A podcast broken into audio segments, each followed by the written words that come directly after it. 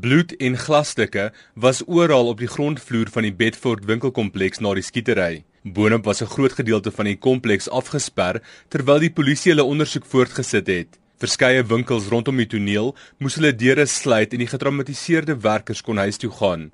Ander winkels het egter ure later weer aangegaan soos normaal. Maar verskeie besoekers aan die kompleks was angstig nadat hulle nie met hulle motors die parkeerterreine kon verlaat nie. Dit omdat die veiligheidswagte en die polisie alle in- en uitgange gesluit het. Een vrou was paniekbevange en het gesê sy is bang dat die gewapende rowers sal terugkeer.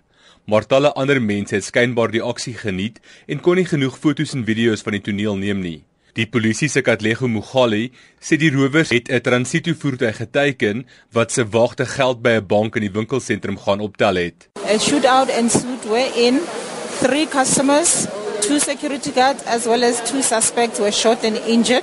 They were all taken to hospital, but the suspects are under police guard. An undisclosed amount of cash was taken. At this stage, the police are busy combing the scene to get more evidence. Een ooggetuie, Beauty Ngoy, werk net bo kan die plek waar die skietery plaasgevind het. We were sitting in the shop and then the next thing we heard gunshots like maybe 10 people shooting at the same time. And then after some time it was quiet. And then when we went, we tried to go down and see what was happening. We found three people shot. That's two gentlemen and a lady. And uh, they were still lying down and the glasses were broken. There was blood all over. It was quite scary.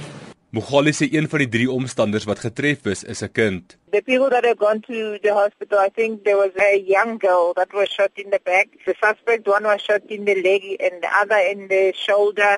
There's one who's shot in the arm. Nog niemand verder is in hegtenis geneem nie.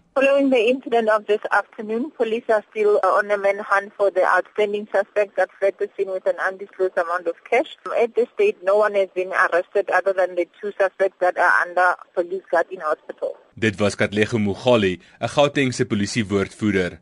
Ek is Jacques Steenkamp in Bedford View.